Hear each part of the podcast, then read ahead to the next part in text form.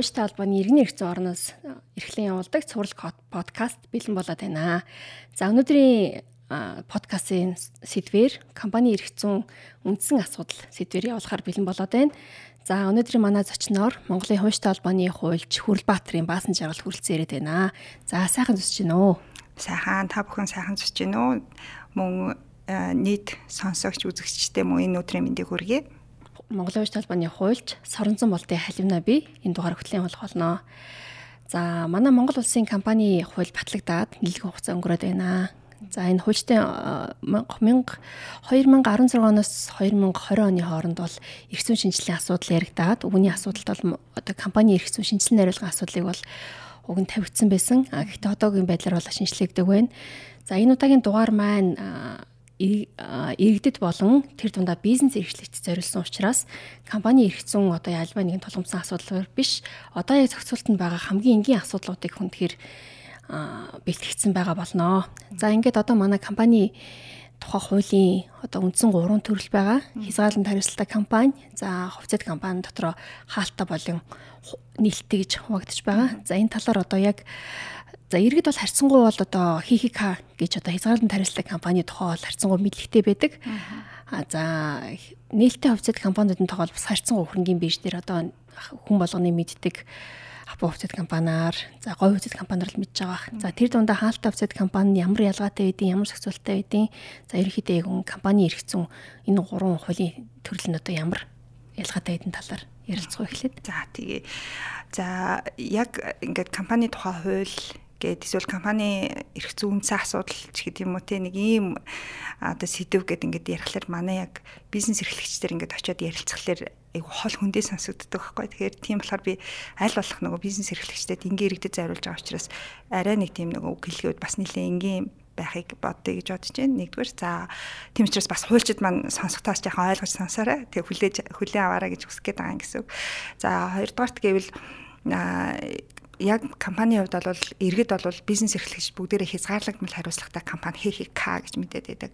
А гисэн хэрнээ яг ингээд уулзаад компанийн асуудал дээр нь тулаад тий яг ингээ хувьцаа эзэмшигчдийн хууралч гэдэг юм уу компани гүйцэтгэх захирлын асуудалч гэдэг юм ингээ наривчлаад орохлоор яг иргэд маань бизнес эрхлэгчд маань тэр болгон наривчлан компанийнхаа нөгөө хувьцаатай холбоотой асуудлыг нарийн сайн мэддэггүй. За яг ингээд одоо юу гэдэг би ингээд одоо эрхэлж байгаа ажлынхаа үргэнд э, бизнес эрхлэгч нартай уулзаад танай компани хэдэн хувьцаатай вэ гэд асуухлаар манайх чинь хязгаарлагдмал хариуцлагатай гэхэр чи үлээ хувьцаа байх уу гэж яг одоо үүндээ нэг 70% нь яг тэгж ярьдаг байхгүй асуудаг байхгүй. Тэгэхээр хувьцааг нөгөө нэг бүгдээрээ дандаа нөгөө хувьцаат компани нөгөө нээлттэй биржэд арилжж байгаа компани дээр л хувьцаа байдаг. А хязгаарлагдмал хариуцлагатай компанид бол хувьцаа нь бол ач холбогдолтой биш төдийлөн тий яг ингээд юм чухал зүйл мөн үгүй юу гэдэг дээр бол ихэнх нь бол дандаа мэдхгүй яг үндсэн ойлголт том муутай байгаад байдаг. За яг үндсэндээ бол хязгаарлагдмал хариуцлагатай компани гэдэг яг энэ үндсэн ойлголтыг бол а компани эрх зүй судлаач тий компани мөн санхүүгийн судлаач нар бол энэ бол айгу энэнийг бол нээлт гэж үздэг байхгүй хязгаарлагдмал хариуцлагатай компани гэдэг энэ хэлбэрийг одоо хүн төрлөختөн олж нээсний олсноороо энэ бол нэг зах зээл хөгжөхөд айгүй чухал үүрэг гүйцэтгсэн том нээлт боллоо гэж үздэг. Учир нь юу гэвэл өнөөдөр бизнес эрхэлж байгаа баасан жаргал миний хувийн эд хөрөнгө, хувийн гэр бүлийн харилцаагаа би бизнесийнхаа харилцаанаас тусад нь тусгаарлаж чаддаг гэдэг утгаараа энэ маань өөрөө бас айгүй ач холбогдолтой.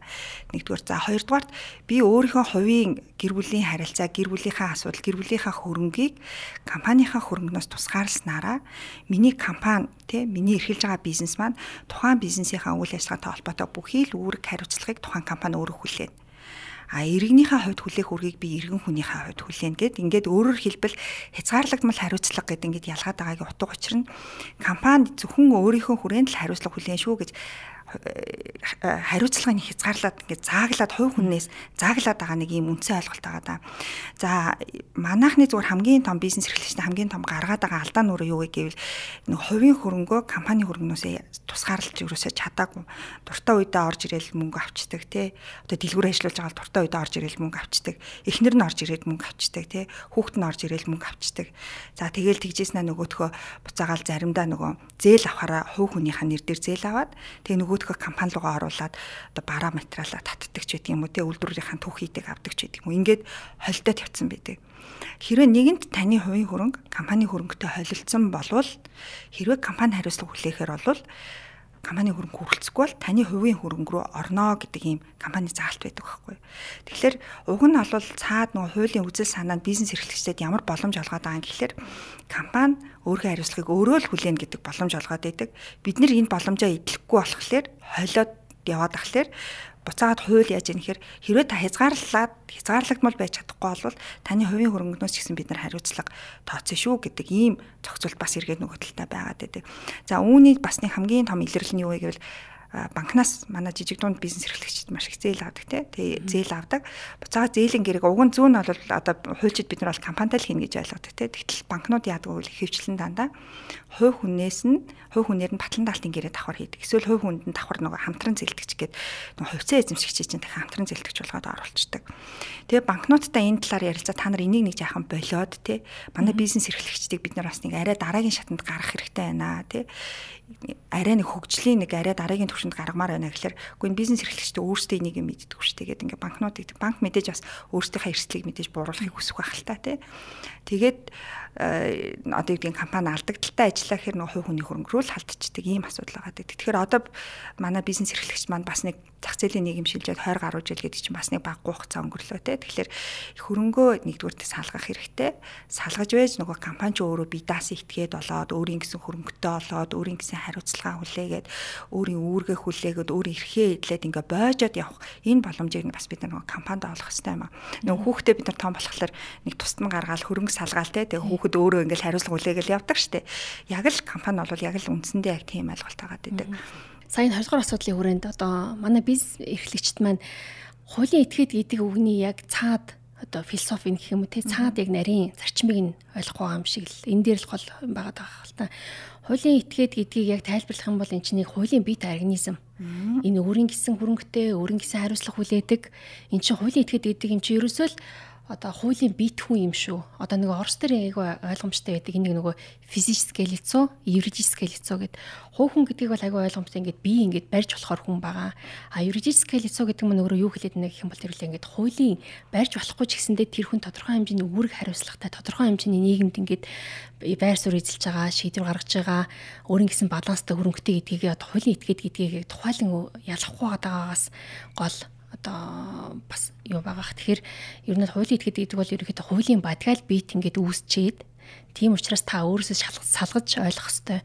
Нэг ялангуяа одоо бас ингээд зөвхөн одоо бизнес эрхлэгчийн дунд гэхгүй компани одоо шүүхийн маргаан шийдвэрлэх асуудал дээр хүртэл компанийн төлөөлөлгүй гэдэг асуудал дээр хүртэл бас маргаан гардаг шүү дээ. Тэ одоо уг нь л компани тоо хуулийн дээр бол компани төлөөлөх итгэмжлэгүүр төлөх хэрэгтэй этгээд бол цоныг ганц хүн бол уг нь гүйс захирал байгаа. А гэж бодит байдал дээр бол одоо тэрийг хувьцаа эзэмшигчдийг нь төлөөлдөг. Шүүгэн шийдвэр гаргалтын дээр хувьцаа эзэмшигчдийг хариуцлагчаар татдаг. Энэ дээр одоо яг компаниг одоо илүү их төлөөлөх хэрэгтэй этгээд за яг компани ерөөхдөө хувьцаа эзэмшигчдийн ямар ялгаатай энэ дээрээс жоохон нэмээд дэлгэрүүлээ. Яг унаа яг энэ асуудлыг ингээ ярихлаар одоо юу гэдгийг нэг тодорхой нэг юм үр төлбөрийн харилцаатай яг нөгөө шүүхийн харилцаанд ороод үтцсэн бизнесүүд юу гэдэг вэ? Бид нэр салгаж болж байна тий би хөрөнгөө компанийнхаа хөрөнгөөс салгаж болж байна гэсэн чинь танай хуулийнхын ч өөртөө ойлгохгүй шийдвэр гүйцэтгэлийнхээ ойлгохгүй. Манай компанитай холбоотой асуудал нэгэн шүүх шийдээд шүүх бол ингээд нөгөө хувьцаа эзэмшигчээс нь тусад ингээ маргааныг салгаа шийдчихэж байгаа тийм за А гэдэг компани бол Б гэдэг компани өмнө хариуцлага хүлээх юм байна гэж шүүх шийдчихэж байгаа. Тэгэнгүүт шийдвэр гүйцэтгэл дээр очихлоор А компани 1 сая төгрөгийн л дөрмийн сантай юм байна. Хөрөнгө нь хүрэхгүй юм байна. Өдөр эзэн нөгөө хувьцаа эзэмшигч нь хаана вэ? Тэгээ хувьцаа эзэмшигч нь баасан жаргал бол баасан жаргалын цалингаас нөгөө А компани нөгөө хариуцлагыг тооцоод яваад байдаг. Тэгээ яг нөгөө бизнес эрхлэгчдэр энэ асуудлыг ярихлаар танай хуулийнхын шийдвэр гүйцэтгэлийнхаа энийг ч ойлгодгүй шүү дээ, мэддэггүй шүү дээ гэдэг байхгүй. Тэгэхээр энэ бол яалчгүй бид нар энэ суур, энэ зарчмаа бид нар бүгдээрээ ойлгоод бүгдээрээ яг энэ дээр ингэж хатуу одоо нэг талтаа гарахгүй болвол манай бизнесийн цаашаа хөгжөхөд маш хүнд бэрхшээлтэй тулна. Ялангуяа одоо хөрөнгө оруулалтын харилцаа бол айгүй одоо бидний хувьд айгүй чухал сэдв болчиход байна шүү дээ тий. Бизнесүүд хөгжмөр байна, цаашаа зээл авмаар байна, гадны хүмүүстэй нийлээд хөрөнгө оруулалт оруулаад явмаар байна тий. Бизнес арай өөр төвшөнд гаргамаар байна, хоорондоо хамтармаар байна. Ингээ явахлаар нөгөө нэг э, тусдаа би дас ит гэдэг чинь нөгөө хувьцаа эзэмшигтэй чинь хойлоод байгаа нөгөө бидний бас нөгөө мэрэгчлийн хүмүүсийнх нь ойлголт нь нөгөө яг хэрэгжилтийнхаа шатанд очиод ийм байгаа болохоор нөгөө хөрөнгө оруулагчдын чинь цухтаад байдаг энэ төр гэдэг шалтгаан чинь бас яг энэтэй холбоотой байгаад байдаг. Тийм учраас бас яг нөгөө хоёул ярьжсэн те яг өнөөдрийн сэдвийг аль болох ийм суур ойлголт руу нэлээд орж ярьж ийж бид нар ингээд нөгөө бас арай нөгөө дараагийн тулгымцсан асуудал руугаа ярихгүй бол нөгөө суур асуудлаа ярихгүйгээр энэ асуудал ерөөсөө явахгүй л юм гэж хараад байгаа юм. Ерөнхийдөө компани байгуулах гад зөвлөгөө авч байгаа хүмүүсээс ингээд анх хурж ирж яхад нь за танай компани хувь нийлсэн хөрөнгө хэдэн төгрөг авах вэ? Хөргөлт өрмийн сан танах хэдэн жишээ хувьцаатай хэдэн жишгийг одоо нэрлсэн үнэтэй энгийн хувьцаа гарах вэ гэдээ асуухаар яг түрүүнийх шиг Оо манай компанид бол 4 сая хэрэг байхгүй. Тэр чинь одоо банк болон банк усаагүй байгууллага даатгалын компани аа гэж хэлж байгаа бизнес эрхлэгч штэ нийлүүлдэг бас таарлаж исэн. Тэгэхээр өөрөөр хэлбэл компани одоо нөгөө суур философи зарчим гэдэг байгаа шүү дээ. Тэрийг бас ойлгох юм байна. За би энийг хэрэг буруу хэлж ивэл одоо засаарай тий. Өөрөөр хэлбэл хийхээ энэ буюу нөхөрлөл гэдэг маань өөрөөр хэлбэл гişүүдийн буюу хувь хүмүүсийн нэгдэл. А компани гэдэг бол капиталын нэгдэл буюу хувь нийлэлсэн хөрөнгөний нэгдэл. Компани байгуулж байгаа хүн хүн байж болно, хууль этгээд байж болно. Тэгэхээр өөрөөр хэлбэл одоо компани ерөөсөө үндсэн нэгдэж байгаа юм чинь хүн биш. Компани нэгдүүлж байгаа гол юм чинь хувь нийлэлсэн хөрөнгө буюу капитал байгаа тий. Тэгэхээр хувь нийлэлсэн хөрөнгө чинь өөрөө юунаас бүрддэг гэх юм бол тодорхой хэмжээний хэмжээтэй байгаа. Сая төгрөг байж болно, 10 сая төгрөг байж 100 сая төгрөг. За тэрийгэ хувьцаанд хуваагаад өөрөөр хэлбэл тухайн хувьцааг ширхэлээд капиталыг нь л одоо хэдэн ширхэг байхын одоо нэгж юугаар нь хувааж байгаа. Одоо хувааг нь л хувааж байгаа ойлголтыг л хувьцаа гэж ойлгож байгаа тийм.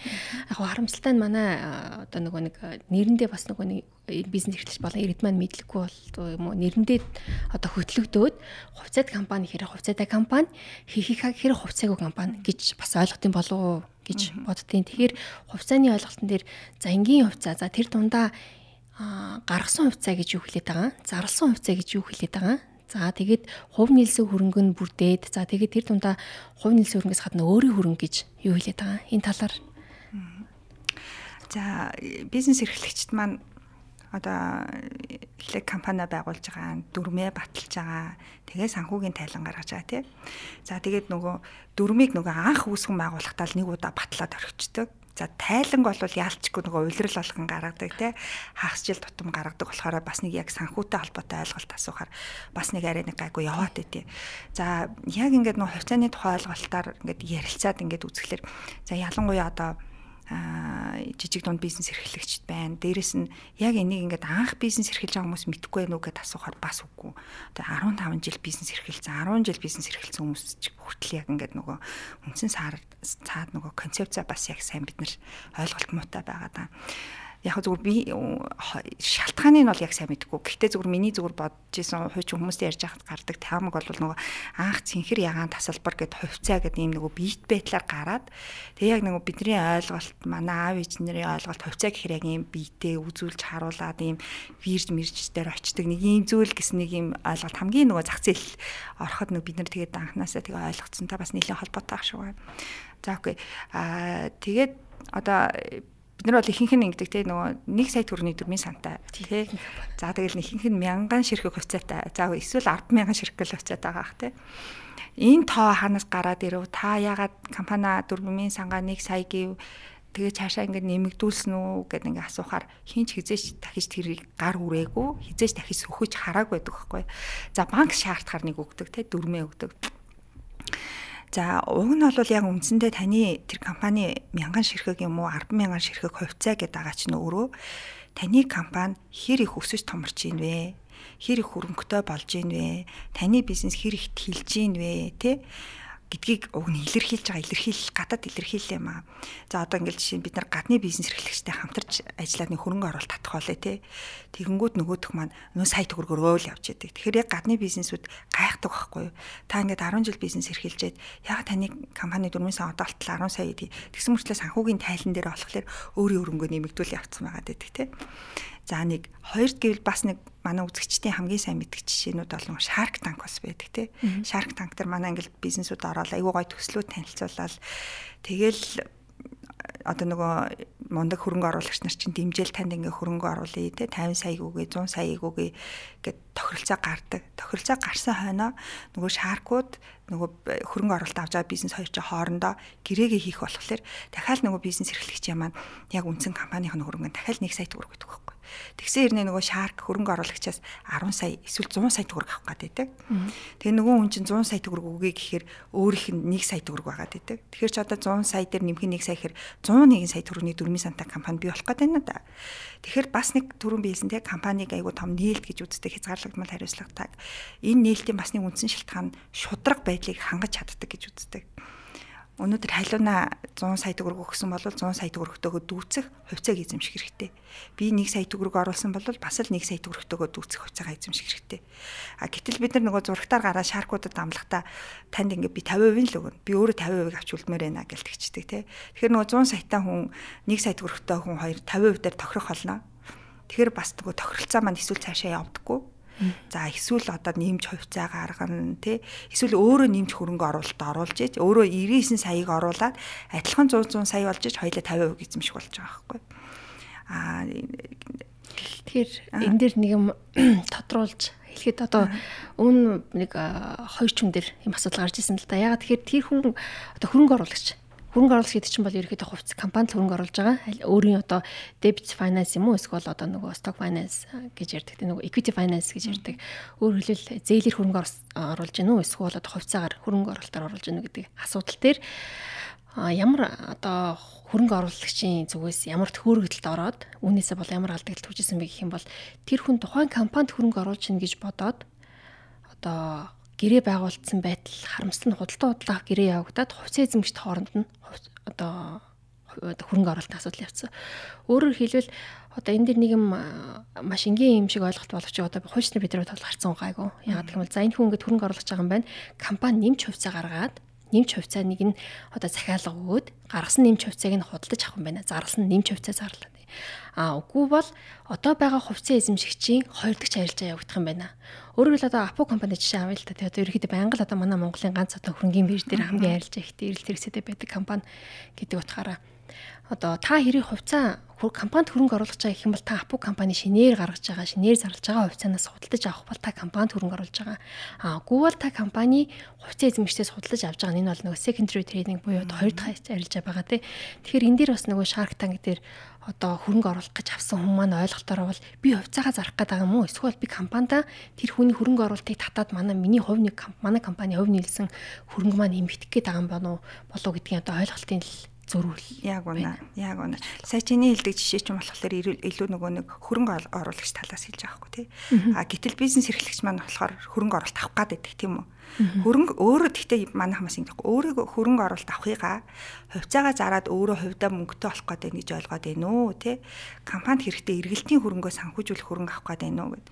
Яг ингээд эргэлтийн хөрөнгөө би авах гээд байгаамаа гэж уг нь хэлээд байгаа юм гэж хэлээд байгаа. Тэгэнгүүтээ эргэлтийн хөрөнгө тэгвэл одоо халиуна ингээд компани руу өөрт нь хөрөнгө оруулалтыг гингүүд нөгөө дахиад нөгөө яг саяхан хэлдэг шиг эсвэл би нэмж 99 сая төгрөг нэмэх хэрэгтэй болж таардаг. Тэ эсвэл би одоо дахиж нэмж хувьцаа гаргаад би хувиа бууруулах хэрэгтэй 50% биш тий 101 сая төгрөгийн дөрмийн сантаа олоод би 1 сая төгрөгөндөө дүүцэх одоо 1%, 2% хувьцаа эзэмшигч болох хэрэгтэй болж таарна. Тэгэхээс өөр арга байхгүй.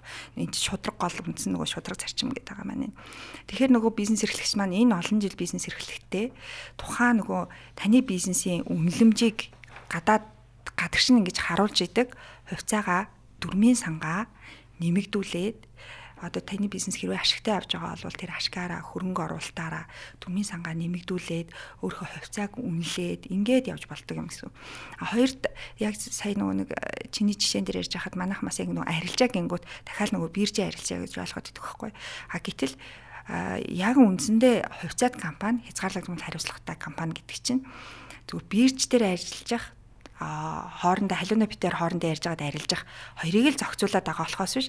Арилжиж болох болохгүй асуудал юусоо биш шүү дээ тий. А одоо хязгаарлагдмал хариуцлагатай компанийн хувьд 50 хүртэл хувьцаа эзэмшигчд байж болно тий 50 хувьцаа эзэмшигчд хоорондоо ярьж агаад сууж агаад хоорондоо хувьцаагаа зарж болно. Дахиад өөр нэг хүнд бие гараад дахиад нэг өөр 3 дахь хүнд хувьцаагаа зарж болно. Энэ бол нээлттэй байхгүй Гэхдээ бид нар олон нийтэд зарлахгүй таньдаг хүмүүстэй хэлнэ те.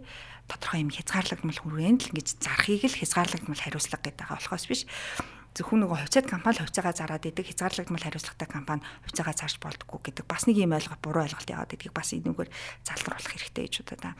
За 3 дугаар бас нэг зүйл нь болохоор түрүү нэг хамгийн анх юун дээр нэг би нэг дурдаад орчихсан манай хувьцаа эзэмшигчэд өөрийнхөө хөрөнгөний компани хөрөнгөнөөс тусгаарлахгүй байгаа нэг асуудал тий. Тэрний цаад үндсэн шалтгааныг асуухаар мэдээж нөгөө нэг би бизнес эрхэлж байгаа. Би компанид ажиллаж байгаа. Тэрнийхээ төлөө би цалин авах хэрэгтэй нэг тустай ойлголт. Аа, хувьцаа эзэмшигчийнхаа хуваар ноогдол ашиг авах нь дахиад нэг тустай ойлголт байгаа гэдэг. Энийг бас манайхан сайхан ингээд нэг хойлоо тутгаа ичдэг тий. За би ингээд нэг туртаа үед орж ирээ сая төгрөг авчдаг, 500 сая төгрөг авчдаг, эсвэл 10 сая төгрөг аваа авчдаг. Магадгүй зүгээр манай нэгтлэн яаж бүртгэж ийнү гэдгээс л хамаарат байгаа тийм үү. А тэрнээс биш яг ингээд за баасан жаргал яг өнөөдөр компанийнхаа гүйцэтгэх захирлыг хийж байгаа. Эсвэл яг баасан жаргал өнөөдөр компанийнхаа менежерийг хийж байгаа. Менежерийг хийж байгаагийнхаа төлөө чи 2 сая төгрөгийн цалин аавна, 3 сая төгрөгийн цалин аавна гэд тэрийг тодорхой олгоод тэр нь миний цалин. А 12 сарын дараа жилийн дараа манай компани бүх зардлаа төлөөд тэ цалингаа төлөөд үлдсэн ашгаасаа би ногдлол шиг аавна. Ингээд салах хэрэгтэй байгаа байхгүй манай нэг орон нутагт дэдэг нэг бизнес эрхлэгчдэр уг нь аягүй гоё хөрөнгө оруулалтын санал орж ирсэн байхгүй. Нэг гадны нэг компаниас, Япон компаниас газар тариалангийн компаниас тэгээд бүх юм ерөнхийдөө ингээд аягүй гоё гэрээ хэлцлүүд ерөнхийдөө ингээд үндсэн гол тохироонууд болоод за тэр чин тухайн үедээ 100 мянган 100 мянган Америк долларын санхүүжилт ихний ээлжинд хийгээд хоёр дахь жил 200 мянган долларын санхүүжилт хийгээд гээд яригдаад Тэр нь бол ингээд нөгөө хүний хийж байгаа бизнес нь танилцуулсан төсөл нь бол маш их таалагдаад тэгсэн чинь ганцхан асуудал тэр очиод унтсан. Юун дээр гэсэн чинь нөгөө Япон хөрөнгө оруулагч нөгөө хүнээс ингэж асуудаг байхгүй. Та ер нь жилд хэдэн төгрөгийн цалинтай вэ гэж асуусан. Тэгсэн нөгөө маань бодож байгаад нэг 5 саяг хэлчихдэг байхгүй. Аа за та тэгээд таны амьдрал хүрэлцэж гин үг гингүүд нөгөө юм чи. Гү яхад тэгэл 5 сая нэг хүрдгүм дөө. Тэгтээ тэгэл би хаяа ингээл компаниас аваал ингэж тийм. Та тэгвэл ногд лашгийн татвар төлж ийсэн үү гэсэн чи ногд лашгийн татвар төлж байгаагүй ч таардаг байхгүй. Тэгэл нөгөө хүн чин Японч гадны хөрөнгө оруулагчд яадаг вэ гэвэл татвараа шударгаар төлж чаддгүй хүнд хүн бас итгэдэг хамгийн бас нэг айгүй тийм имзэг сэдв байдаг. Тэгэл тэргээр ингээл бүх оноогоо алдаал тий. Ерөөсөө компани засаглал байхгүй. Тий, ерөөсөө засаглал байхгүй. Ингээл бүх оноогоо алдаал ингээл айгүй гой боломжоос бас ингээл шүүрэл алдчихсан байхгүй. Гэх мэтчлээ айгүй олон юм. Одоо ерөөхдөө манай хөрөнгө оруулагч маань одоо энэ компанид хөрөнгө оруулахдаа яаж ашиг олох? Яг л ерөөсөл нь хуулийн этгээд гэдэг юм аа? Эн чинь бит организм тусдаа. Би энэ хүнийг ингээд очиод дуртай үед ингээд хитэн талаас нь зулгаагаад бич болгүй ч гэдэг юм үү тэрийг ерөөсөө ойлгохгүй. Бит организм хуулийн организм гэдгийг ойлгохгүй байгаа юм бол өөрөөр хэлбэл одоо хөрөнгө оруулагч хүн компанид одоо equity finance буюу хувь хувь нийлэлс хөрөнгөд хөрөнгө оруулсан тохиолдолд одоо хоёр л одоо аргаар. ашиг олох боломжтой. За нэгдүгээр тэр хүн одоо дивиденд буюу ногдол ашиг авах одоо манай Монгол улсын одоо компанид хуулиар бол жилд нэг л удаа ногдлох шиг зарлана гэж байгаа тий. За хоёрдугаар нь болохоор чинь одоо capital gain гэж ярьдаг. Одоо хувьцааны үнийн үн өсөөд тэгээд үнийн зөрүүнээсээ одоо ашиг олох ийм л боломж байгаа. А өөрөөр хэлбэл одоо компанид хөрөнгө оруулсан юм чинь би дуртай үедээ өөрийнхөө бизнесийг шахаж гэдэг юм үү те эсвэл өөр аль нэгэн хэлбэрээр ерөөсө компанид ашиг олох одоо боломж байхгүй гэдгийг одоо тэр болгоноос ойлголтоос хязгаарлал байд юм болов гэж боддtiin. Тэгээд одоо яг сая хэлсэн хөрөнгө оруулагчдын зүгээс бол юг харж байна гэх юм бол одоо ямар ч хэсэнтэй нөгөө сая хэлсэн компани засаглалын үднээс тэ тухайн хүн этгээд нь хөрөнгө одоо компаниг ажиллаж байгаа этгээд нь энэ компанийг өөрөөсөө хэр их ялгаж салгаж байна. А тэгхгүйгээр одоо өөрөөр хэлбэл энэ зөвхөн компани ажиллаж байгаа хүн бол ингээд одоо ямар цалин өөрийнхөө гэр хоёрынхоо дансыг ялгаагүй болохоор чинь нөгөө гадны хөрөнгө оруулж байгаа юм чинь бол тэр бол шудраг зарчмын дагуу. Одоо ногдол ашиг авах нэг бол хувьцаагаа тодорхой хэмжээний дараа 3 жилийн дараа 5 жилийн дараа одоо борлуулад одоо ашиг олох гэж одоо харж байгаа л хэлгүүдээ тий одоо цаашдаа а манай компани тухай хуулиар за мөнгө татврын хуулиар тий ер нь бол уг нь бол хөрөнгө оруулалтыг уг нэлээд дэмжсэн тун дажгүй эрх зүйн зохицуултаа гэж би бол зарим улсуудад харьцуулахаар тэгж ойлгодог. Яг гэвэл одоо шид компани хөрөнгө оруулалт нэмэгдэхэд эсвэл компани хөрөнгөөс буцааж эзэн хөрөнгөө татаж авахад манайх жишээ татваргүй орох байхгүй. Зарим улс бол татвартай байдаг. Тэ? 100 сая төгрөгөөр компани байгуулчаад боллоо би компанийхаа хөрөнгийг буцааж татаад өөрийнхөө хувийн хөрөнгийг буцааж татаад 50 сая болголоо гэхэд энэ зөрүүн дээр жишээ нь зарим улс ихэнх улсууд бас татвар төлдөг байхгүй. Манайх бол жишээ нь татваргүй. За хоёрдугаарт гэвэл бас татврын бодлогоор одоо жишээ нь аж ахуй нэгжүү. За ялангуяа одоо бол бас бүр ингээ хөдөө орон нутгийн бизнесүүдийг дэмжсэн юм татврын аюул том бодлого реформ одоо яг инжлээс эхлээд хийгдээ явж байна те. Мянган километрээс цаашаа байх юм бол татврын 90% нь буцааж өгнө гих мэтчлэнгээр 500 байх юм бол 50% нь буцааж өгнө гэдэг юм уу те. Энэ бол бас айгүй татвар айгүй том боломж ахгүй болон. За тэгээд Улаанбаатар хотод бизнес эрхэлж байгаа хүмүүс маань харьцангуй яг энэ нөгөө өнөөдөр хоёлыг яриад хөрөнгө оруулалт энэ харилцаанд харьцангуй нөгөө олон дахин ордог болохоор бас нөгөө ойлголт харьцангуй гайгүй. За хөдөө орон нутгийн бизнес эрхлэгчд бол маш муу байгаа. Одоо яг ингээд цаанаас төрийн бодлого нь өөрөө татвараар хөдөө орон нутаг орон нутгийн бизнесүүдэд ийм дэмжих бодлого явуулж байгаа тохиолдолд манай бизнес эрхлэгчид яг ингээд үүнтэй яг ингээд зэрэгцээ те өөрсдөө бэлдээд гараад ирэх хэрэгтэй байгаа. За бас нэг нөгөө төрийн дэмжлэгийн тухай дахиад нэг юм нэмээд хэлчихэд кластерын чиглэлийн бизнесийг төрөөс бүр ингээд дэмжих гээд кластерын чиглэлийг чиглэлэр хэрвээ бизнесүүд хамтрах юм бол бас хөрөнгө оруулалт хөнгөлөлтөд санхүүжилт олгоно. Mm -hmm За хоршоо нөхрөлийн хэлбэрээр явуулах юм бол хоршоог бодлол бас жишээ нь хөнгөлтэй зээл болгоно гэд ингээд илүү нөгөө орон нутг руугаа юм хандаад бизнесүүдийг айгүй ингээд дэмжих төрлийн бодлого яваад байгаа байхгүй. За тэгэхээр нөгөө Улаанбаатар хотод бас бизнес эрхэлж байгаа, үйлдвэр эрхэлж байгаа компаниуд одоо орон нутгийн бизнесүүдийг сонирхоод эхэлсэн. Яг нөгөө энэ бодлогот айгүй нөгөө мэдрэмжтэй хандаад байна шүү дээ тэд нар чинь. Би хөдөө орон нутагт аль нэг цэхэд жишээ нь 1000 1200 км-ийн цаанд байгуулчих юм бол миний татврын зардал 90% буух нэ. Энд одоо цэхийн маань ажилуулад аваа явуучих бизнес эрхлэгч байна уу ч гэдэг юм. Ингээд ийм сонирхол Улаанбаатар хотын бизнесүүдэд одоо төрөөд эхэлж байгаа байхгүй. Түрүүн нэг кластер гэдгийгсэн шүү дээ. Тэний зарим одоо үзчихсэн шүү дээ. Мэдгүй байж магадгүй кластер гэдэг нэг дэлгэнгүү тайлбарладаг гэж. А яг энгийн одоо том шилбэр. Яг го кластер гэдэг байна нэг талдаа зүгээр бидний хамтарч ажиллаж байгаа нэг хэлбэр хэлээд зүгээр кластер гэдэг нэр томьёогоор хэлээд байгаа. Яг нөгөө нэрлээ заншаад хэлээ сурцсан үг хэллэг юм аа. Яг монголчууд бол яг нэмүү өртөггийн сүлжээ гэдэг. Үндсэндээ яг Монголд одоогийн байдлаар нэг гурван төрлийн кластер тий гурван гурван төрлийн кластер явж ийн гэж харж байгаа л да. А тухайлбал одоо шинэ зүгийнийхний зүгийний бизнес э, зүгийний аж ахуй кластер гэж явж байгаа. Өнөөдөр тухайн сум дээр 10 зүгий чид байх юм бол өнөөдөр баасан жаргал 2 хил зүгийн бал гаргаж ийн, халиунаа 3 хил зүгийн бал гаргаж ийн, одоо өөрийнхөө нэг нэг тийм 5 хил зүгийн бал гаргаж ингээд бид аруулаа нийлээд өдөрт 10 хил зүгийн балыг яг нэг стандартаар гаргаад зүгийнүүдэд яг адилхан тижээлэр тижээгээд нэг хаяг шошиг тоогоор ингээд зах зээлд эцсийн бүтээгдэхүүн гаргаж байгаа. Энэ маань өөрөө бол нөгөө зэрэгцээ кластер буюу ижилхэн нэр төрлийн бүтээгдэхүүн үйлдвэрлэж байгаа хүмүүсийн хамтарж байгаа хэлбэр.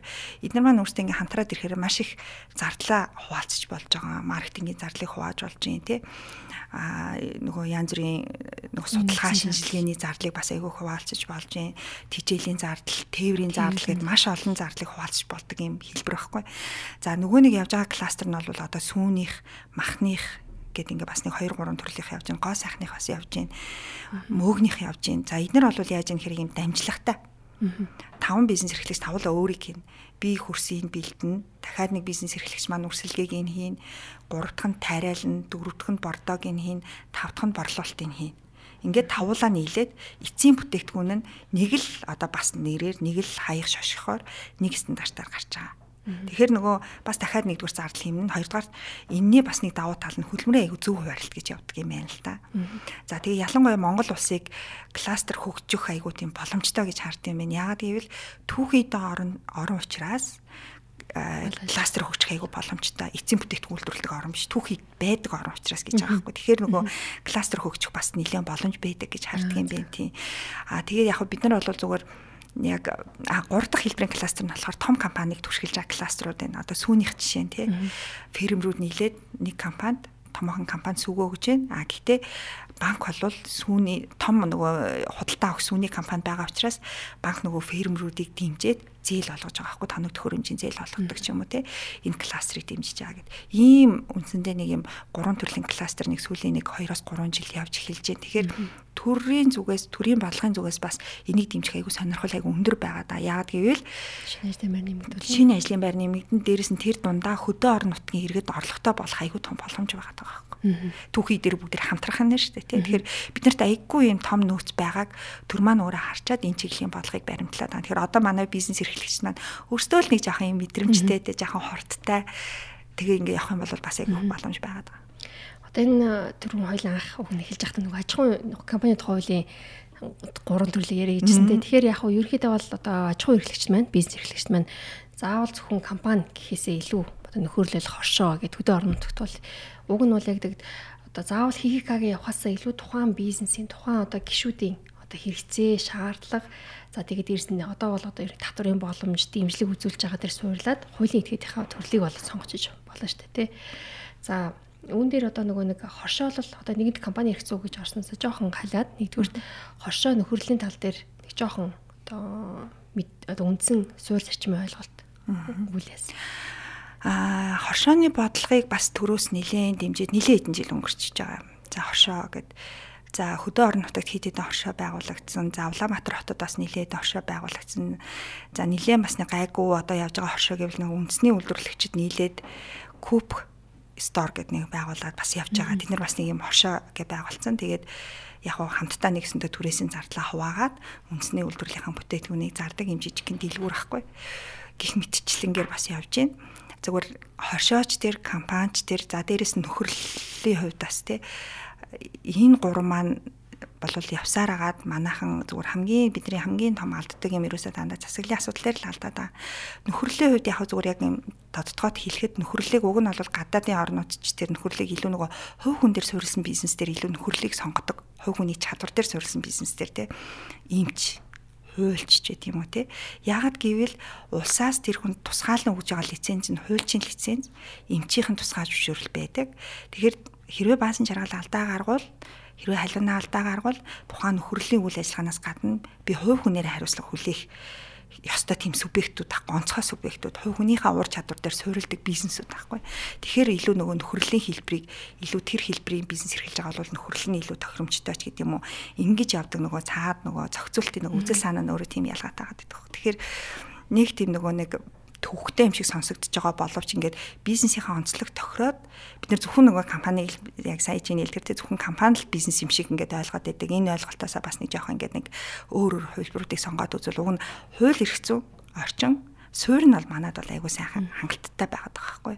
Тэгээ бид нар нөгөө янз бүрийн байдлаар турших тий тэгээ бизнесүүд маань өөрсдийнхөө нөгөө орон нутгийн бас онцлог бас айгүй харагддیں орон нутгууд дээр явах тий. Одоо шинэ зарим орон нутаг төмөр замтай зарим орон нутаг төмөр замгүй байдаг хөөхгүй тий тэгэнгүүт ингээд зарим нөгөө төмөр замгүй орон нутгийнхан болохоор манайх ч төмөр замтай л болчихлоо тест манай аймаг хөгжүүлстэй алах гад байна л гэдэг. Тэгээ төмөр замтай орон нутгийн бизнесүүдтэй нь уулзхлаар ба төмөр зам гай болоод байна. Үгүй яагаад танаа чинь төмөр зам гай болчихоо тий энэ ч одоо ингээд танаа тээвэр танаа хамаг юм чи ингээд хямдруулаад айгүй сайн хамаа юм шүү гэхээр хүмүүс Улаанбаатарт очиод юм авчиад байна. Орон нутгийнхаа бизнесээс юм авах байна гэдэг байхгүй. Тэгэхээр нөгөө нэг бизнесүүд маань өөрсдөө болохгүй байгаа асуудлаа бас өөртөөс айгуу сайн хайх хэрэгтэй зөв хэлбэрээ олсон уу бизнесийнхаа мөн чанарыг ойлгосон уу бусдтай өрсөлдөхөөс бараа бүтээгдэхүүн үйлдвэрлэж гин үү гэдэг юм уу те айгуу тийм олон асуудлууд байдгийг л бид нар айгуу сайн ухамсарлаа нөө өөрөө өөртөө хаа ажиллах яг нэг юм цаг үе нэрсэн юм уу гэж хараад байна. Компани ирсэн тухайн асуудлаар за ч энэ ондоо багтаагаад гурван цуврал яваалъя. За эхнийхийг нь бол анхан шатны яг одоо байгаа зохицуултын талаар иргэдэд болон бизнес эрхлэл мэдээлэл үгүй. За хоёрдугаар нь юм бол тулгымсан асуудал. За тэр дундаа одоо сайхан ингэж ярьлаа. Манай одоо жишээлбэл Америкт self entrepreneurship за эсвэл индивидуальны предприниматель гэдэг орсод ингэ байж байгаа. Тэрний үг юм бол яг нэг хувь хүн дээр суурилсан одоо нэг хуулийн этгэн төрөл байгаа шүү дээ. Одоо хуулийн этгэн төрөл байгаа. Энэ өөрөө жишээл орсод анх байгуулахдаа 100000 рубль доотлын дөрмийн сантай байх хэвээр дампуурч болно. А яг сул тал нь гэх юм бол хязгаарлалт хариуцлагатай биш. Өөрөөр хэлбэл өөрийнхөө өрөнгөөр одоо хувийн өрөнгөөр хариуцлага үлээн. А гэхдээ тухайн хүний амжиргааны одоо орон сууц руу орох хэмжээнд хам бол тухайн хүн бол одоо дампуурл зархатлах боломжтой. За дампуурл зарлалтын дараагаар 5 жилийн хугацаанд ямар нэгэн бизнес эрхлэхгүй гэдэг юм. Иймэрхүү зохицуултын талаар бол уг нь одоо цуврал хоёроор одоо яри одоо гадны туршлагыг бас одоо манай Монгол улсад ямар ямар туршлагууд нь байхгүй байна. Үүнтэй холбоотойгоор одоо жишээлбэл яг ингээд маш олон хэдэн мянган хязгаарлалт хариуцлагатай компани бүртгэлтэй байгаа боловч тухайн компаниудыг дампууруулах асуудлыг яри гэхээр одоо ингээд X компаниуд явж лээдэг. Одоо нөгөө компаниудыг энэ дампууруулах гэхээр тэр чинь бол загвал татварын шалгалтаас ахваад маш их ажил болдог, чирэгдэл болдог. Компани үүсгэн байгуулах бол хамгийн амархан ажил. Татан буулгах ажил нь маш хэцүү болоод байна. За үүн дээр одоо ингээд гадны хөрөнгө оруулалттай компаниудад бол ялангуяа маш их одоо асуудлууд тулгардаг л да. Жишээлбэл одоо энэ анх үүсгэн байгуулалтаа 100 мянган ам долларын одоо хөрөнгө оруулалт дүрмийн сантай байх хэвээр. За тэгэнгүүтэлт нь 2 жилийн дараа гадны хөрөнгө оруулалтын компанийн гэрчлэгийг одоо сунгадаг, хугацаатай өгчдөг тий. Уг нь бол нөгөө компаниуд чинь ах хөрөнгө гадны хөрөнгө оруулалт чинь бол нөгөө going concern буюу одоо тасралтгүй байх хэвээр гэсэн зарчмаар бол уг нь бол манай Монгол улсад хөрөнгө оруулалт хийгээд компани байгуулж байгаа. Харамсалтай нь 2 жилийн дараагаар ингээд гэрчлэгээ сунгахтай холбоотойгоор танаа дөрмийн сан чинь 100 сая доллар доош орсон байна. Өөр хөрөнгө чинь доош орсон байна. Сунгаж өгөхгүй гэдэг асуудал гардаг те. Тэгэхээр энэ нь болон асуудлыг нь цуврал хоёроор ярих гэж бодож байсан. Гэтэ цуврал хоёроор дэлгэрэнгүй ярих. А яг өнөөдрийн нөхцөл төр одоо ингээд жишээлбэл одоо яг энэ улсын бүртгэлтэй холбоотой байгаа нь гадны хөрөнгө оруулалтын асуудал те. За улсын бүртгэлтэр одоо жишээлбэл энэ одоо Улаанбаатар хотын улсын бүртгэлийн хуулийн этгээдийн бүртгэл харьцангуй гайгүй шалгуур өндөртэй болсон. Арай илүү бүртгэл нь явагдаж байгаа. А зарим аймагуудад хийж байгаа улсын бүртгэлийн асуудал бол маш задгай. Одоо маш хуулийн одоо ер нь улсын бүртгэл бүртгэж байгаа ажилтны хүртлөөрөө бас ингээд нөгөө нэг бүр ингээд хууль зөрчсөн зохицуултын дүрэндээ бүртгэжсэн гэж явж байгаа байхгүй. Тэгэхээр энэ тал дээр нэгдүгээр гадны хөрөнгө оруулагч нарт одоо манай Монгол улсын хуулийн улсын бүртгэлийн ийм энгийн асуудал нь те ямар хүндрэл учруулж байна Тэгээ ерөнхийдөө улсын бүртгэлээс асах. Толгойц асуулаа. Яа би нэг кейс ярил л да манай нэг бас нэлээд гайгүй одоо яг дотоодын бизнес эрхлэгч яг үйлдвэрлэгч компани маань 3% эзэмшигчтэй байж агаад тэгээд хувьцаага дахиж нэмж хувьцаа гаргаад За тэгээ тодорхой тооны хувьцаагаа халааслаад өөрөөр хэлбэл одоо юу гэдгийг 100 ширхэг хувьцаатай компани байлаа гэж бодоход те 80 ширхэгийн 3 хувьцаа эзэмшигч хувааж эзэмшээд 2% нь халааслаад төр компани дээрээ. За яг тэгж гаргаж байгаагийн цаад утдаг учир нь болохоор хөрөнгө оруулагч орж ирэхэд бүх юм бэлэн байхаар Ерөөсөө л танд ингээд хөрөнгө хөрөнгө оруулагч нарт бас яг тэр нөгөө 20 ширхэг хувьцаагаа санал болгох гээд бүх юмаа бэлдсэн байхгүй юу. Тэгээд ингээд нөгөө одоогийн байгаа 3 хувьцаа эзэмшиж чинь одоо нөгөө 80 ширхэг хувьцаагаа жишээнийг хуваагаад эзэмшээд ингээд нэг 7 800 сая төгрөгийн дөрмийн сантаа компани байсан байхгүй. Тэгээ ингээд ийм дүрм хийгээд тэгээд улсын бүртгэл бүртгүүлсэн чинь улсын бүртгэл бүр ингээд холио мантын гинт бүртгэл хайцсан нөгөө нэрлсэн хувьцаа, юу гаргасан хувьцаа, зарласан хувьцаа, халаасны хувьцаа гэд эднэрийн нөгөө ялгаануудын ялгаж ингэж бүртгэдэг бүртгэл улсын бүртгэл бас байхгүй байгаад байгаа. Одоо ч юм яг ямар болсон яг сүүлийн нэг жилийг бол би яг сайн мэдэхгүй байна. Яг тухайн үед бол нөгөө програм дээрээ ямар ч тэгэр нөгөө хувьцааг ерөөс ангилж бүртгэдэггүй. Одоо уг нь наа зах нь одоо бас энгийн хувьцаа байна, давуу эрхийн хувьцаа байна гэж бүтэхгүй хадгаа штэ тий. Гэтэл эн чинь өөрөө нөгөө хөрөнгө оруулалтыг нэмэгдүүлэхэд аюу тум уг нь хөшүүрг нь олж идэг ойлголт байгаад идэг. Тэгэхээр нөгөө улсын бүртгэл нь өөрөө тэр хувьцааг чинь бүртгэхгүй байхаар аюу том одоо бид нар ингээд нөгөө бизнес эрхлэгчтэйгээ хамт нийлээд ингээ хөрөнгө оруулагчтай тайлбарлах гэж ингэж баг арай гэж ингэж тайлбарж ойлгуулах гэж нэлээд болдог байхгүй. Тэгэхээр энэнийг бас бид нар яалчгүй яриач бүр ингээ айгүй том сэдв болгоо зайшгүй ярих хэрэгтэй байгаад байгаа юм. За манай нөгөө хуульчдын холбооны нэг үндсэн чиг нь яг хууль орхицсон орчныг боловсронгуй олгох. За нөгөө талдаа нөгөө иргэдэд хэрэгцээ боловсролыг олгох гэж яваад байгаа шүү дээ. Тэгэхээр өнөөдрийн чигээр ярилцлагыг би илүү нөгөө тэр тал руунаас эргүүлэх гэдэг санаа гэсэн. Тэгээд хоёрдугаарт гэвэл бас нэг манай нэг бизнес эрхлэгчдэр гарч ирсэн баг. Бас нэг гадаадын хөрөнгө оруулагчаас юу татаад хөрөнгө оруулалт татаад гэтээ өөрөө бол энгийн хувьцаагаа 100% эзэмшээ явж явах сонирхолтой. А гадаадын хувьцаа эзэмшигч нь болохоор надад энгийн хувьцаа давуу эрх хувьцаа аль нь ч ялгаа байхгүй. Би танай компани хувьцааг үнэтэй болохоор зарах гэж байгаа хүн ерөөсөө биш. А би илүү нөгөө ноогдлар шиг авах сонирхолтой хүн. Одоо тэр хөрөнгө оруулагч анханасаа өөрийнхөө өөрийгөө тодорхойлоод ороод ирж штэ тий. Би ноогдлар шиг илүү авах л надад сонирхол байна гэд. Тэгэхээр нэгэнд ноогдлар шиг авах гэж орж иж байгаа хүнд бол бид нар давуу эрхийн хувьцаа өгөөд нэг ширхэг давуу эрхийн хувьцааг өгч болно шүү дээ. Тэр чинь заавал хэдэн зуун мянгаараа байх албагүй те.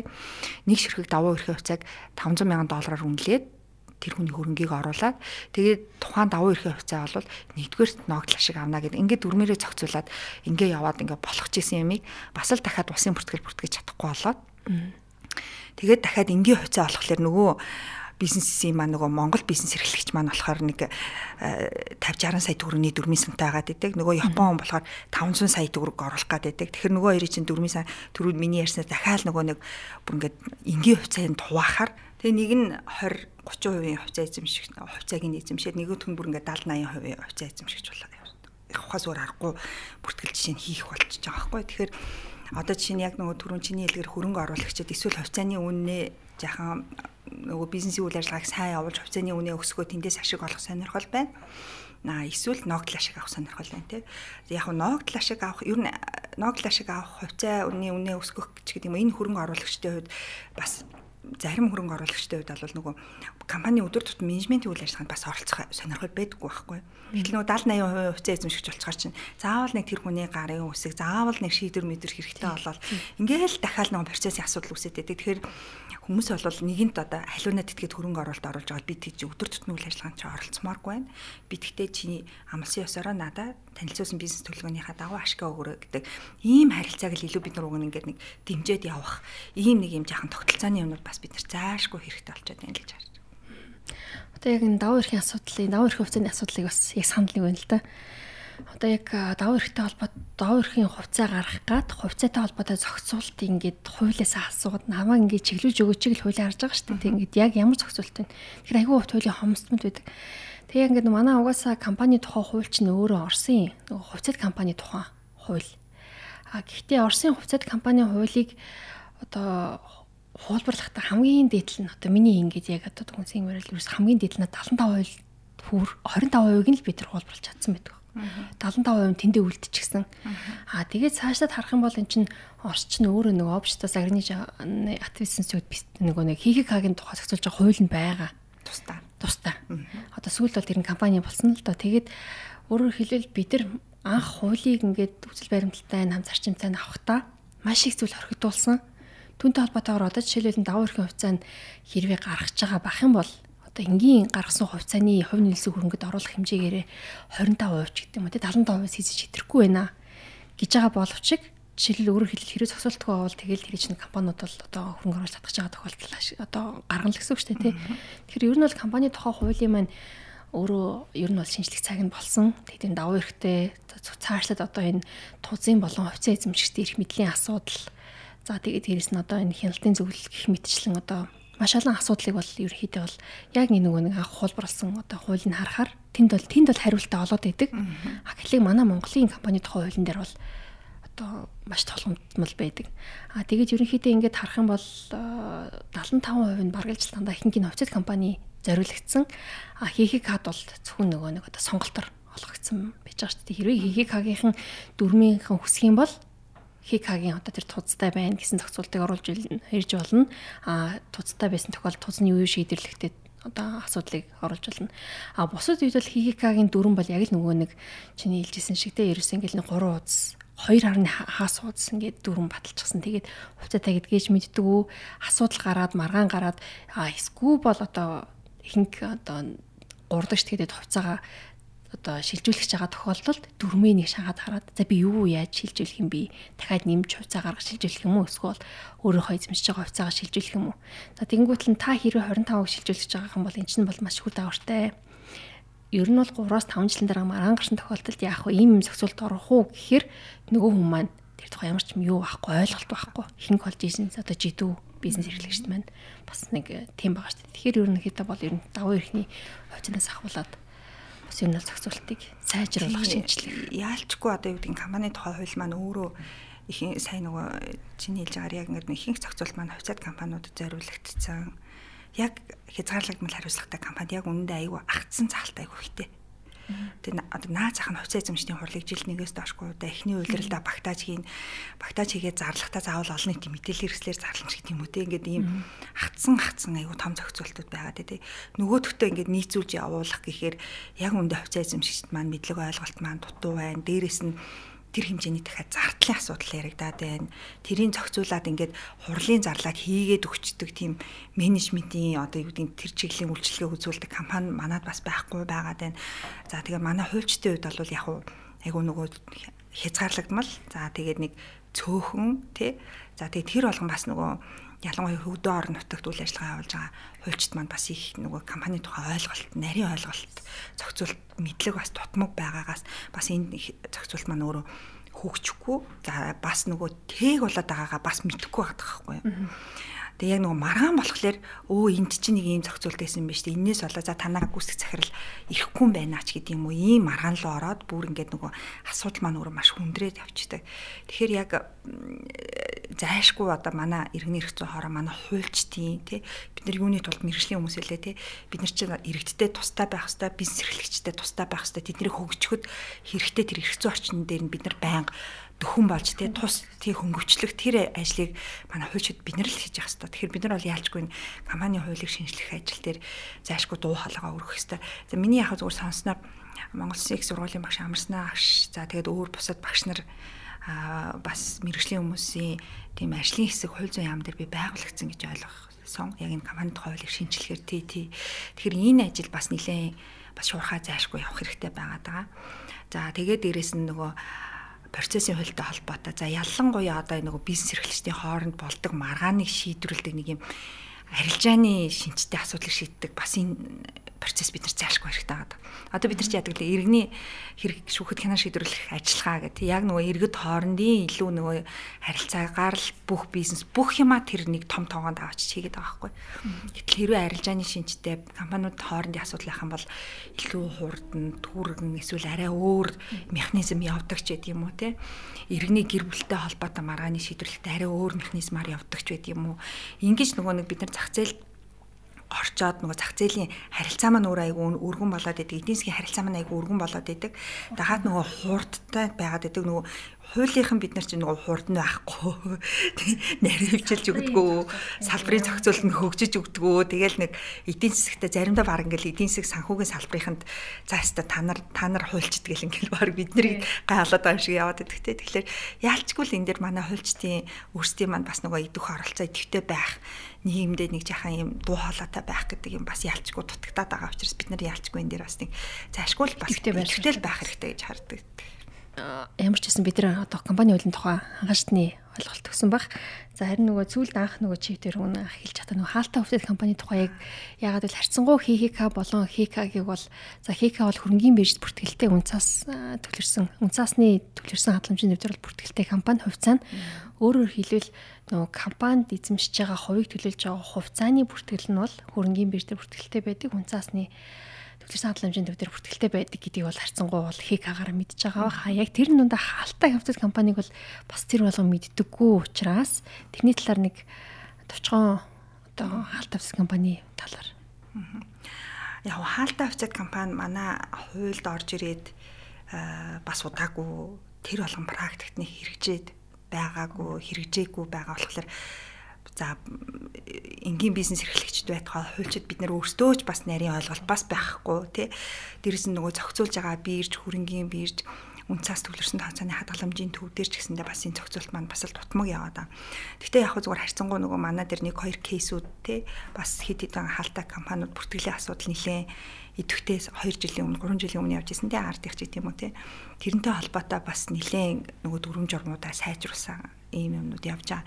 Зүгээр яг өнөөдөр бизнес эрхлэгчтэй зориулаад хэлэхэд бид нар хязгаарлагдмал хариуцлагатай компаниар тодорхой тэ нэг 50 эсвэл тодорхой нэг 20 хувьцаа эзэмшдийн хүрээнд таны бизнестэй нэг 10 жил амжилттай явцсан болвол одоо хөгжлийн дараагийн шатанд шилжиж ижил гэж би хүсгээд байна.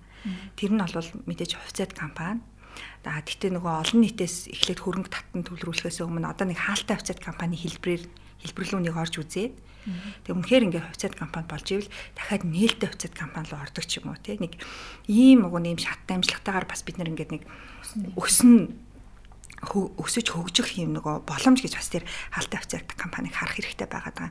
Өөрөөр хэлбэл яг зүгээр хаалтай хувьцаат компанийн хувьд бол хамгийн гол зохицуулт нь нээлттэйгээс ялгараад ялгаад байгаа зохицуулт нь бол ерөөсөө л олон нийтэд хувьцаагаа зарах тухай зарлах гугаар явах ийм асуудал тий. А тэгвэл тодорхой бас нөгөө хувьцаа бол 50-аас дээш тооны хувьцаа эзэмшигчд байна. За яг нөгөө бүртгэлийн байгууллагад нь улсын бүртгэлээс гадна үнцаас төвлөрсөн тооцоо хадгаламжийн төвдийн бүртгэл нь хийгдээд явж явах ёстой ч гэдэм үү ийм хэдэн зохицуултууд байгаа даа. Тэгэхээр нөгөө нэг компаниудыг э, хувьд бол хөгжлийн дараагийн түвшинд гаргахад бас энэ айгүй том юм түлхэж болсон бас айгүй том суурь зохицуулт мөнөөс гэвэл мөн байгаа. Энэ дээр бас одоо нөгөө нэг хаалтаа ус компани нэршилтээр нэг юм хэлмээр санагдаж байна л да. Манай хувьцаат компани нээлттэй хувьцаат компани нэршил нь өөрөө бас надад айгүй одоо сонин гэх юм уу те санагддаг л да. Ягаад гэвэл нээлттэй хувьцаат компани гэдэг чинь өөрөө publicly listed company PLC гэж явдаг те. Тэр нь өөрөлдөл хөрөнгөний бирж publicly буюу нээлттэй. Олон нээлттэй те. Нээлттэй те. Тэгээд тэр нь HK нээлттэй HK чинь хөрөнгөний бирж чагсагдсан байгаа компани те. Ингээд нэгдүгээр англи, хоёрдугаар англи ашиглагдсан байна. Тэгэхээр ингээд бид нар харж иж болдог тий. Харж иж болдог тий. Тэгэхээр энэ бол ерөөсөө PLC буюу publicly listed company. А гэтэл joint stock company гэдэг нэршил чинь өөрөө англи хэл дээр нэршил чинь өөрөө хувь нийлээс нийгэмлэг За энийг би одоо миний мэдх юу гэж болдог гэх юм бол манай Монгол Улсад засгийн газар Орсын албаны улс засгийн газар хоорондын байгуулсан гэрээгээр байдаг сорын гац байдаг хуулийн этгээд болох Улаанбаатар төмөр замын хувь нийлсэн нийгэмлэгийн нэр бол энэ бол Joint Stock Company. Stock Company гэдэг нь яг хувьцаа компани гэж ойлгож байгаа. Гэхдээ joint гэдэг чинь өөрөө хувь нийлсэн гэдгийг илэрхийлж байгаа болохоос биш publicly listed гэдэг юм нэрийг нэрлэхгүй байгаа. Тэгээ би энийг одоо хөрөнгөний биржийн одоо тэр халтаа сахирлан захирал юм те эсвэл хөрөнгөний биржнээс яагаад joint stock компани гэж нэрлсэн бол тоо гэдгийг бас надад сонирхолтой санагдтыг. Хөрөнгөний биржнээс бас асуумаар л одоо түүхийн бас сонсомоор л байна. Тэгээд яг нөгөө хаалтаа компани гэдэг одоо нэрийг нь уг нь л орчуулах юм бол non public company буюу өөрөлд олон нийтэд нээлттэй бус. А гэхдээ хийхийг хадаа харьцуулах юм бол хувьцааных нь бүртгэл нь үн цаасны төвлөрсөн хадгаламжийн төв дээр явдаг. Одоо хуучин нэр нь нэг хурд үүсээ тэ тэ тэ хэтэ гэдэг нэрээрээ явдаг гэсэн. А өөрөлд ерөөсөл хаалтаа хувьцаат компани хязгаарлан тариаллын компани хоёр ялгаа нэх юм бол нэгнийх нь хувьцааных нь бүртгэл нь танаа дөрмээрээ дамжуулагдаад улсын бүртгэл дээр бүртгэгддэг. А нөгөөх нь болохоор чинь одоо үн цаасны төвөр хувьцааны бүртгэл нь одоо хийгчиг арилжаалагддаг. Одоо арилжаалагддаг хэлж болохгүй. Бас ягаад гэвэл зөвхөн бүртгэл нэгдэг компани. Тэгээ ягаад гэвэл тагч бас арилжаа хийдгүү манах танаа бүртгэл зөвхөн бүртгэл хийдэг компани гэж хэлдэг те. Тэгэхээр ийм одоо ялгаатай. Тэгэхээр нэг joystick компани нэрэн дээр бас надад нэг жоохон эргэлзээ байгаад байдаг болохоор энийг яалаа. За ингээд манай урилгыг хүлээн авч хүрэлцэн ирсэнд маш их талархлаа. Баасан жагалууч та. За өнөөдрийн сурал маань ингээд үгээр дуусч байна. Та бүхэн он тусгаас өмнө дараагийн компани эрхцэн тулгамсан асуудал сэдвэр за тэр дундаа одоо Америкийн нэгдсэн улс болон Орос улбаны улсын хуулийн этгээдийн төрлийн талаар одоо харьцуулсан судалгаа хэлбэрээр бэлтгэн явуулах болно.